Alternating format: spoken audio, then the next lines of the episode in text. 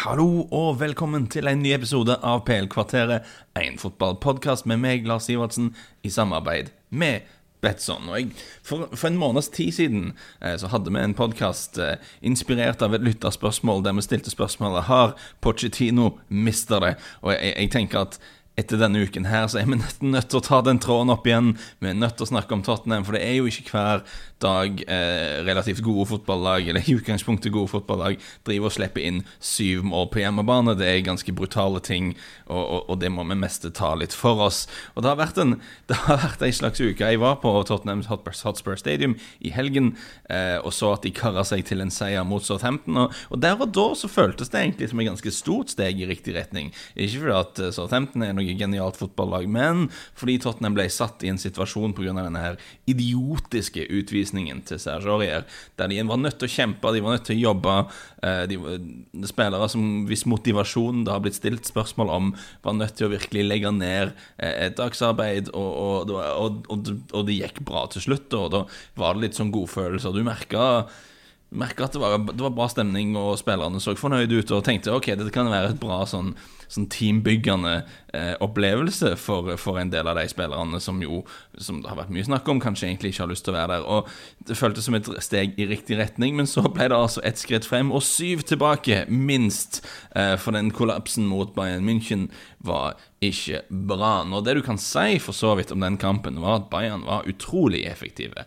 Og Hvis du ser på expected goals, som faste lyttere um, vet at jeg lefler litt med av og til, så, så, var det faktisk ganske jevnt. Det, det, det, var en, det, var en, statistikknettside uh, som heter Infogol, som simulerte hvert skudd i kampen og regna ut sannsynligheten for at utfallet skulle bli Eh, skulle bli sånn som det var. altså At, at ut ifra de sjansene som ble skapt, at det skulle ende 7-2 til Bayern München. Og de kom fram til at etter deres modeller var det under 0,01 sjanse eh, for at det skulle ende sånn som det gjorde. Nå vil noen kanskje si at det betyr at modellen deres er feil, eh, siden jo faktisk ble 7-2. Men det kan jo òg hende at man da misforstår eh, hvordan sannsynlighetsregning egentlig fungerer. Prosentvis er det strengt tatt veldig liten sjanse for å vinne i Lotto. Likevel er det noen som gjør det hver uke. Altså lav sannsynlighet betyr ikke det samme som ingen sannsynlighet sannsynlighet.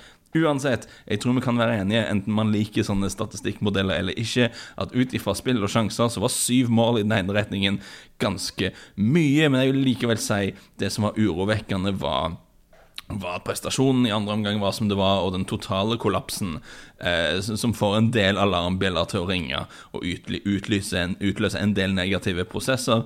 Eh, for, eh, som Kjetil Rekdal en gang sa, det er jo ingen som liker å bli pissa på. Det var ikke helt det han sa, men dere skjønner hva jeg mener. Og, eh, men det som er interessant med den kampen, som jeg har lyst til å nevne, da, var at Tottenham faktisk var veldig gode den første halvtimen, altså før det, før det virkelig snudde. Eh, de pressa høyt, de var hissige, de stressa Bayern, Bayern kom ikke inn i rytmen sin. Og, og jeg syns jo Tottenham egentlig så mer ut som, som seg selv i hermetegn enn det de har gjort ganske lenge. Eh, men den samme energien hadde de ikke utover i andre omgang. Eh, det var interessant at Mohammed Sissoko sa etter kampen at eh, med den formasjonen de spiller nå, så blir de slitne for fort. At, at de ikke har fysikk til å faktisk gjøre det som de skal prøve å gjøre. Og selv om Bayern var veldig effektive med de sjansene de hadde, og det var noen ville avslutninger der, så, så, var Tottenham for lette å spille seg gjennom. Altså man kanskje holder på sånn. Og den, og den totale kollapsen som du ser på slutten gjør at det er vanskelig å ikke stille spørsmålstegn ved det mentale. Spesielt når man òg har gitt bort ledelser mot Arsenal, mot Leicester og Olympiakos i det siste. Så, så, er det uunngåelig at dette med mentalitet er noe man stiller litt spørsmålstegn ved. Nå For å se eh, hva som er galt med Tottenham, så er det kanskje nyttig eh, å se litt på hva som egentlig har vært bra med Tottenham under Pochettino. Okay? Når man plutselig ikke får til noe, kan det være lurt å se på hva det var man gjorde bra som gjorde at han fikk til ting in the first place. Ja, noe sånt. Eh, og, og da, han, da Pochettino tok over, eh, så var en av de tingene han gradvis da kom fram til, eh, var at han måtte være kompromissløs. Altså han, i, i, starten prøvde han ja, alle skal få en mulighet, og vi skal prøve å, prøve å rehabilitere stjernene som har underprestert, og bla, bla, bla. Men han kom etter hvert fram til at den eneste måten å gjøre dette her er å gjøre det på sin måte, og, og bygge klubben og laget i sitt bilde, og at eh, spillere som klubben faktisk hadde investert ganske mye penger i, som hadde ganske store navn, de måtte bare settes til side og bli solgt dersom de de ikke er på samme side som, som Pochettino dersom de ikke er villig til å jobbe. Eh, og at man da erstatter de med yngre og sultnere spillere. Det, det, kanskje det mest brutale eksempelet var altså Paulinho, eh, som da var fast for det brasilianske landslaget, som senere spilte for Barcelona og var bra der. Altså Unektelig en god fotballspiller. Eh, han ble et, på, på, et tidspunkt ble han benka til, til, fordel for Ryan Mason, og, og det er et derby mot Arsenal. Altså Det er en sånn avgjørelse som viser tydelig at Pochettino tenker at det må ha energi, innsatsvilje, tæl, eh, alt det her, lojalitet til de taktiske konseptene, det er faktisk viktigere for han enn en, en, i hermetegn kvalitet. Og jeg er temmelig sikker på Pochettino en manager som heller ville hatt en spiller som er eh, seks av ti kvalitetsmessig, men som jobber 100 enn å ha en som er ni og ti av ti, men som ikke er like dedikert til gameplanen. Det, det, har litt med måten han jobber med å gjøre. Han endte jo opp med å luke ut så å si alle spillere som ikke var 110 eller 100 motiverte. La oss ikke gå i den matematiske klisjéfellen. 100% motiverte til å gjøre den jobben som han krevde, og alle som ikke hadde 100% tro på det de holdt på med. Og han endte opp med en kjerne av spillere i sin andre sesong i klubben, sånn 2015, eh, og som endte opp med å bli kjernen i laget nesten helt fram til i dag, iallfall fram til i fjor. Og, og, det må jeg ha sett med han at i den perioden så har han vært enormt rask til, til, å fryse ut spillere som ikke har vært eh, 100 om bord med det hele, som ikke har vært helt eh, lojale. Han har vært kompromissløs, han har vært hensynsløs. Enten er du med han, eller så er du rett og slett ikke med i det hele tatt. Eh, det var en gang han hadde frosset ut en spiller for en eller annen grunn, jeg er temmelig, temmelig sikker at det var Bentaleb. Eh, så sa han da til pressen at if, if, you're not part of my plans, why should you train with the team? spørsmålstegn. Sånn, Enten er du helt med Pochettino, eller så er du ikke med i det hele tatt. Det har vært tankegangen hans. Og noe av grunnen til det er for at han tror mye på sånn universell energi og sånn. Hvis du leser boken han gjorde med Game Ballagé, så er det mye rare ting der om energistrømmer og sånne ting. Eh, men så er det òg noen rent taktiske grunner til det. Eh, dersom du skal presse høyt eh, og stoppe motstanderne fra å spille på den måten, så må alle faktisk gjøre jobben.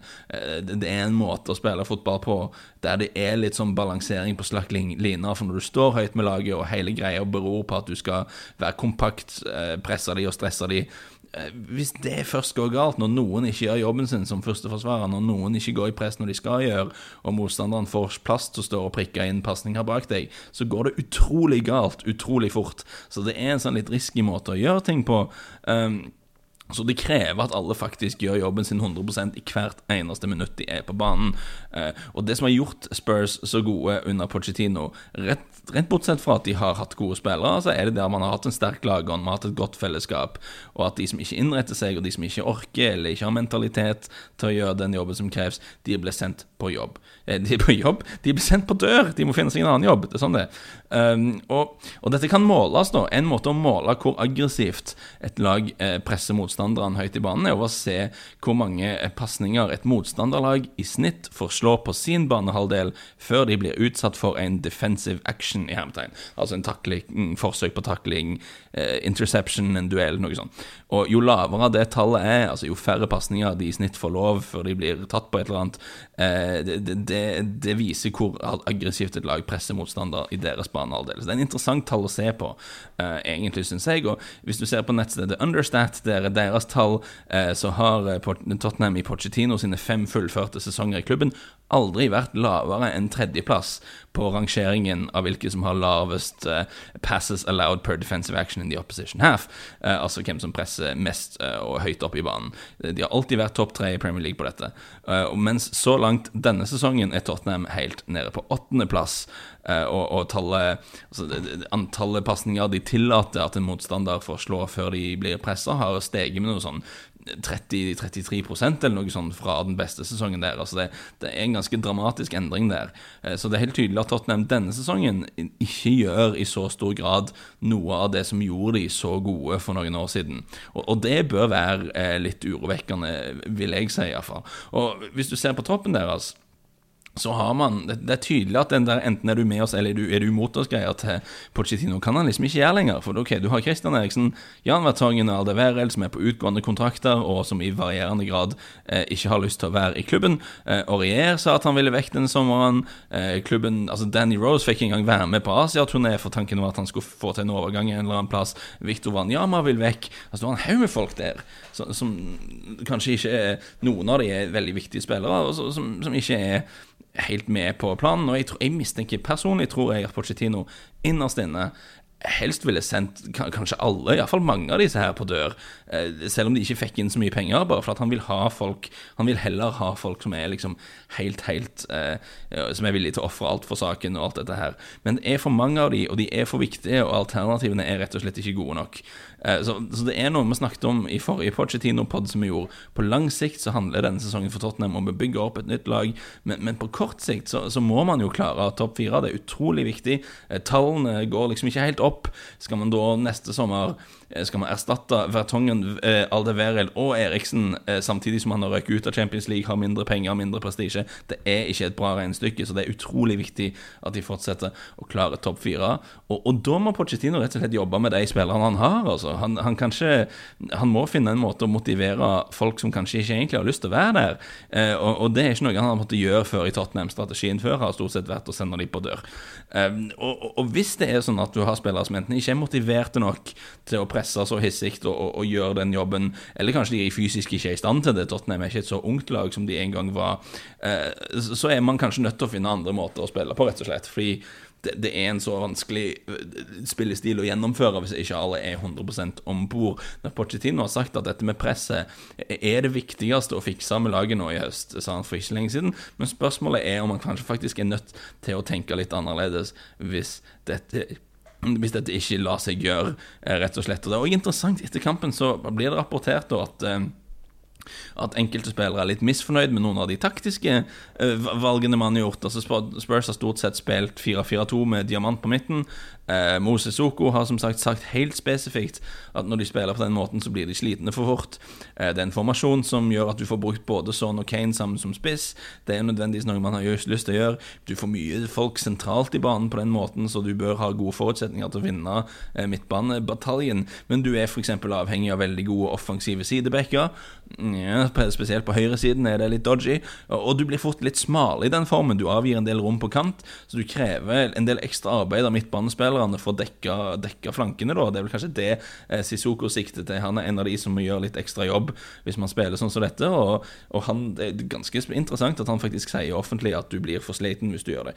Uansett, til tross for all denne negativiteten da eh, og alle de gode argumentene for at Tottenham er litt ute å sykle, så er det fortsatt bare 1,57 i odds på at de skal klare Champions League-kamp. Når det er opp fra det var 1,50 før sesongen Um, og Jeg vil egentlig tro han skulle ha steget mer enn det, men det har jo litt å gjøre med at de andre lagene som er i det sjiktet, uh, roter noe voldsomt, de òg. Uh, vi, tok faktisk uh, det til N50 som et av mine sesongspill før sesongen. Jeg føler ikke jeg sitter bra der i det hele tatt. Det er ikke et spill jeg ville tatt i dag. Uh, men så er det heldigvis andre sesongspill der vi sitter ganske bra. Vi tok bl.a. At, at Jefferson Lerma skulle få over ni gule kort. Den håper jeg dere var med på, for han har så langt fire på syv kamper. så, så lenge han ikke blir langtidsskada eller, eller liksom emigrerer eller blir solgt, eller et eller annet sånt, så, så, tror jeg vi skal sitte veldig godt der. Så det står egentlig godt til med sesongspill, og det var akkurat den der spørsgreia jeg er ganske misfornøyd med. Uansett, vi skal gå videre eh, før, før, alarmen går til eh, spillbiten, og der har jeg igjen eh, anledning til litt selvskryt. Det har, det har, gått bra så langt sesongen med, med disse enkeltspillene våre til, til kamper. Eh, vi har ikke holdt tall på det, men kanskje jeg skal gå og oppsummere litt, for jeg tror vi er godt i pluss. Eh, vi, vi fikk iallfall inn begge forrige helg. Eh, City vant med mer enn ett mål mot Everton, som forventa til 1,86, selv om det satt litt lenger inne enn jeg hadde håpet det skulle gjøre. Eh, og vi fikk eh, begge lag skåre pluss over to og et mål i Bournemouth Westham. Den var vel egentlig aldri i tvil, eh, og den gikk inn til 1,74 i odds. God helg, bare velstand. Denne helgen Denne helgen er det sånn at så av og til når du liksom skal vurdere disse tingene, så setter du deg ned og ser ok, hva er smørbrødlista denne helgen, hvilke kamper er det, hvem møtes, bla, bla, bla. Og, og, denne helgen er det sånn du ser på kampene, og så er det ett en kamp der du bare tenker umiddelbart, før du i det hele tatt har sett hva oddsen er, omtrent at her, her må vi på. Og det er fordi Arsenal skal ta imot Bournemouth på Emirates, og der skal jeg ha en innsats på begge lag, begge lag skårer, pluss over 2,5 mål. Eh, den står til 1,71 hos Betson, og det syns jeg er meget bra betalt. Eh, over 2,5 er faktisk nede i 1,39, så det sier vel alt om hvor mange mål man tror at det skal bli i denne kampen. Så jeg er litt overrasket over at hoppet til begge lag skårer pluss over 2,5 er, så, er så høyt. For Arsenal har jo rota noe voldsomt defensivt denne sesongen. De er nokså potente framover, men de Altså, Vi gikk gjennom det i en pod forrige uke om det der Yola-forsvaret ditt. De tillater utrolig mange sjanser imot. Litt bedre mot United på Old Trafford, det må sies, men så er ikke United et lag som skaper veldig mye heller. Uh, Bournemouth er Bournemouth, de er skarpe framover. Uh, de har skikkelig farlige angripere som egentlig kanskje burde vært i bedre og større klubber enn det Bournemouth er, men der er de nå likevel. Uh, mens de er kronisk upålitelige bakover. Jeg kan ikke forstå noe annet enn at dette må bli mål i begge retninger og, og, og en høyere liksom, poeng. Oh, OK, OK, det, timen, det, var mye bedre timing. Eh, at, ja, jeg tror det skal bli mål i begge ender. Jeg tror det skal bli noe annet enn 1-1. Så begge lag skårer pluss over 2,5 på Emirates til 1,71. God odds, den skal jeg definitivt på denne helgen. Jeg eh, håper du blir med meg, eh, og håper vi ses igjen i neste episode ganske snart. Ha det godt.